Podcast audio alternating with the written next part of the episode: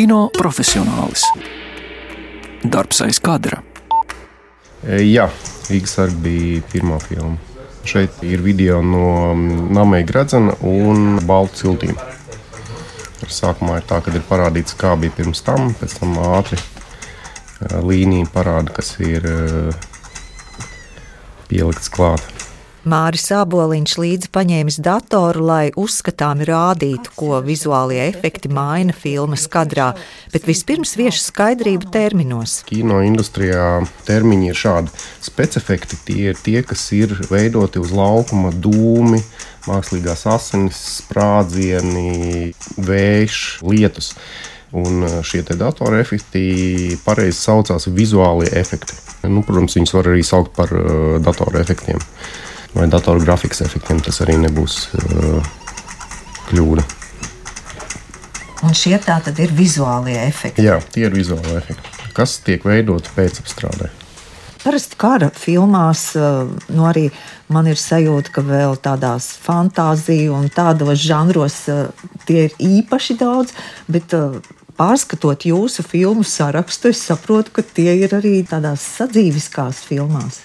Jā, jums ir eh, pilnīga taisnība. Un savā ziņā šīs kara filmas, fantāzija filmas un arī vēsturiskās filmas arī vismīļākās man personīgi. Man vispār eh, hobijs teiksim, ir eh, strādāt pie vēsturiskajām filmām. Bet parastās filmās, kur teiksim, ir sižets notiek mūsdienās, vai arī nav tik piepildīts ar visādām aktīvām darbībām, Ir dažādi teiksim, momenti, kas ir jāpielabo. Tas ir varbūt kaut kāda reklāmas zīme, ir kadrā, vai arī pieņemsim, kaut kāda māja, kas ir jāizkrāso, vai pieņemsim, aktieris izskatās pārāk eh, sagurs, viņam ir kaut kādas krunkas, tās ir eh, jānoņem. jānoņem jā, jā. Tā kā ir visādi sīkumi. Un starp mūsu kolēģiem ir tāds joks, ka mūsdienās režisori ir palikuši mazliet slinkāki un viņi paļaujas uz to, ka e, šīs kļūdas varēs pēc tam izlabot. Kādreiz tādu iespēju nebija, un es tiešām brīnos, un daudzas cilvēku manā profesijā brīnās, kā kādreiz režisori un filmēšanas komanda spēja tikt galā, izveidojot milzīgas, pieņemsim, vēsturiskās ainas bez nekādiem datoru efektiem. Jūsu jautājums bija, vai šos efektus sagatavo pirms Iepriekš, tam plānojot? Jā. Jā. Un es jums teikšu, ka šie efekti sadalās divās daļās. Viena ir plānotie, un viena ir tie nejaušie, kur tad nu, vienkārši notiek filmēšanas laukumā, un viņi ir jāpielabo. Bet šie plānotie parasti ir liela izmēra vai nu, ilglaicīgi, vai ne tieši nu, viņi ilgi ir kadrā.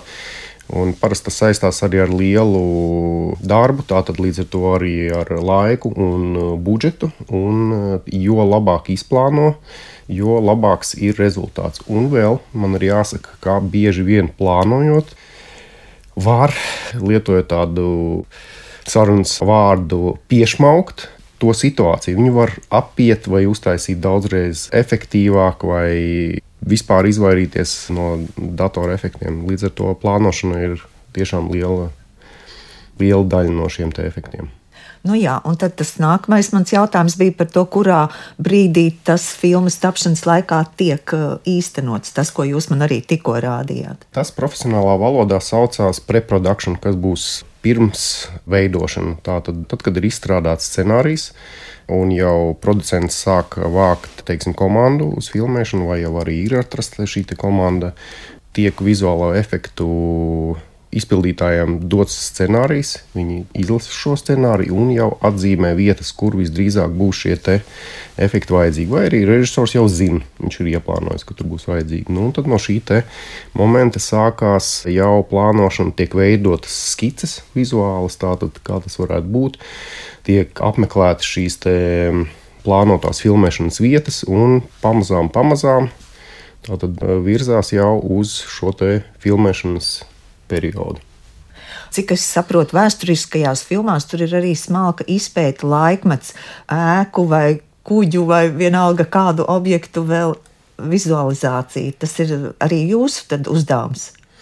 Mm, Negluži. Savā ziņā, jā, savā ziņā, jā. Jo, protams, režisors parasti sadarbojās ar vēsturniekiem šajās minētajās vēsturiskajās filmās, un vēsturnieki jau ir sagatavojuši materiālu, bet izstrādes procesā arī pašam nākās pētīt. Mūsdienās ļoti labs līdzeklis, protams, ir internets, kurā var atrast ļoti daudz informācijas, vai ne? Un es jums arī sarunas sākumā pieminēju, ka vēsturiskais kino ir mans arī hobijs. Līdz ar to man ir ļoti aizraujoši un interesanti pētīt. Un es ļoti daudz ko uzzinu. Māris datorā rāda, kā vizuālie efekti izmantot filmā Dvēseli putenis. It sevišķi kauju ainās. Teikt, un arī papildinot fonos nēsošās vēsturiskās ēkas. Tātad šeit pēkšņi parādās pareizticīgo katedrāli. Jā, tas bija skats kā Maskavā kas bija filmēts kinopilsētā Sinavīlā.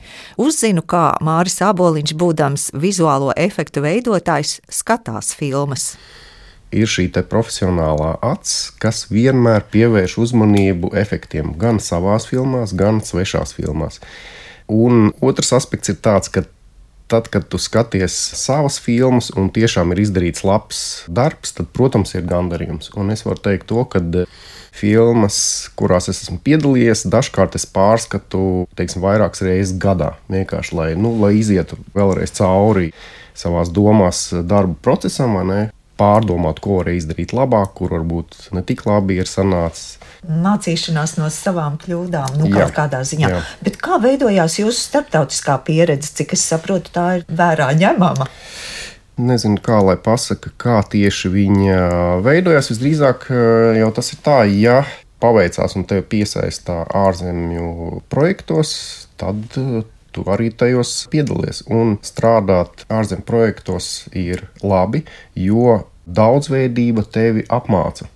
Ir labi, ja tu strādā pie vairākiem režisoriem, pie dažāda tipa filmām, ārvalstīs, ne? Tas viss dod pieredzi. Es tagad skatījos arī tādu filmā, jūs esat jā, piedalījies. Jā, jā, jā. Tas, teiksim, ir eh, pats lielākais projekts, kurā es esmu strādājis. Tas tā kā teiksim, pacēla latiņu manā profesionālajā pieredzē. Iepriekš teiksim, norūdīja kā jau īstu datorgrafikas veterānu darbs Londonā. Tur es nostrādāju trīs posmus kopumā. Pusotru gadu strādāju arī paveicās pie vēsturiskām filmām un seriāliem. Viens no tādiem, ko varbūt cilvēki zinās, tas ir eh, Tabū ar eh, Tomu Hārdiju un eh, Karš un Miers bija tāds britu seriāls. Man norūdīja britu darba kultūra un teiksim, nu, tā disciplīna. Tiešām es daudz iegūnu no tā. Viens no tādiem, kā es tam piegāju, paņēmieniem bija ierasties darbā pašam pirmajam. Un no darba aiziet kā vienam no pēdējiem. Nu, tas bija tāds laika ekonomija, jo tad uh, datoru ieslēgšana, e-pasta izlasīšana un kafijas iedzēšana tas bija izdarīta teiksim, pirms darbs sākās, bet kad darbs sākās, tad es pilnīgi tajā iekšā.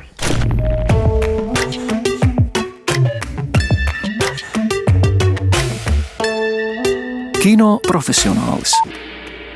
Darbs aiz kadra.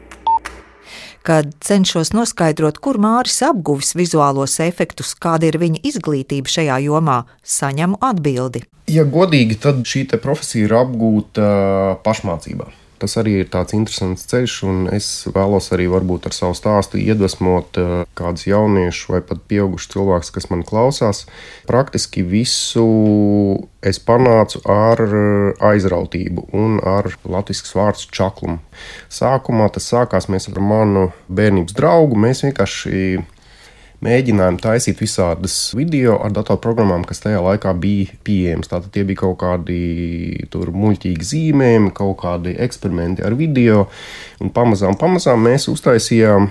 Mums bija tāda muzikālā apvienība, Cyberpunk. Mēs uztaisījām mūzikas video, kas iegūta nu, kaut kādu rezonanci es nezinu, tas ir teenageru, varbūt nu, jauniešu sabiedrībā, alternatīvajā vidē. Nu, tad lūk, šis te video kaut kādā veidā nonāca pie vienas reklāmas aģentūras darbiniekiem, un viņi nolēma mūs paņemt darbā. Nu, un tad sākās pamazām, pamazām, pamazām. apguvām visu šo datorgrafikas jomu, un tad jau mums paveicās, un mums paņēma Andrēs Ēķis filmā Rīgas sārgi. Un tad līdz ar to sākās jau profesionāls darbs kino industrijā. Un man ir jāsaka tā, ka tas ceļš bija diezgan skarbs sākumā, jo īsti neviens nezināja, ar ko mēs nodarbojamies. Mēs bijām tādi alternatīvie jaunieši. Mums pirmais darba kabinets bija bijušajā kurpju noliktavā, kas bija divi uz trīs metri tāda darbistaba bez uh, logiem. Tad, kad mēs tur gadu bijām nostrādājuši, tad uh, vietējie kolēģi, kas strādāja tajā kino studijā, mums teica, nu, jūs esat pierādījuši, ka prom mēs jūs nedabūsim un visu cieņu tā kā tuvojas lielais Kristaps, vai arī no šogad nominētajām filmām ir jūsu vārds titros kaut kur lasāms? Es pat nezinu, tas ir eh, ļoti daudzās filmās, sanāk strādāt.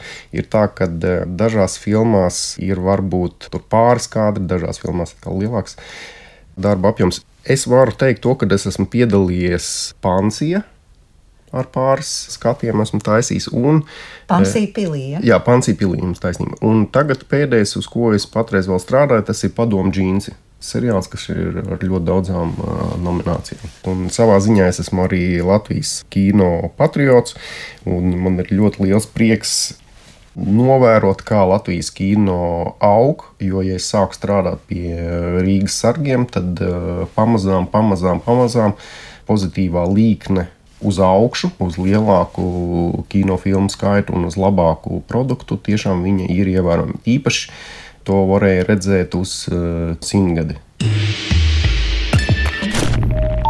Te ir viens tāds arī jocīgs aspekts par maniem, kad es gandrīz vai vēlētos, lai filmās izmantotu pēc iespējas mazāku vizuālo efektu nu, vai datorgrafiku. Kāpēc? Tāpēc, kad uh, ir šī tā saucamā cinemā burvība, Un jo kadrs ir tīrāks, viņš ir mazāk apstrādāts. Un, uh, operators ar režisoru spēja uzbūrt šo ainu bez teiksim, tās pēc iejaukšanās, ne, jo tai filmai ir teiksim, lielāka burvība.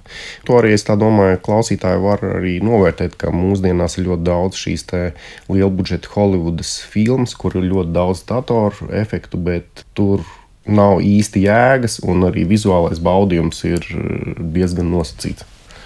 Un pašam uzņemt filmu nav tāda doma bijusi. Protams, protams, protams vēlētos, protams, piedalīties vēsturiskās filmas veidošanā, bet man ir jāsaka arī to, ka ir šis te iespējams eh, visuma egregors. Un, ja es pēc Rīgas sargu filmēšanas pat kādās no intervijām pieminēju to, ka es vēlētos piedalīties vēsturiskās filmas filmēšanā par viduslaikiem, tad pēc desmit gadiem šis te piepildījās gan ar nosacīti vēsturisko filmu Namē Gradzens un ar vairāk vēsturisko dokumentālo drāmu Balta cilts.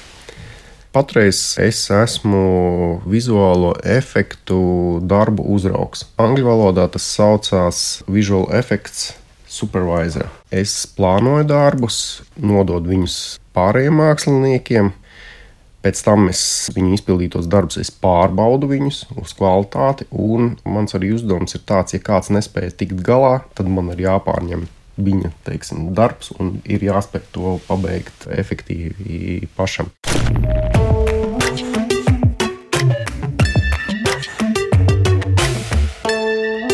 Kino profesionālis. Darbs aiz kadra.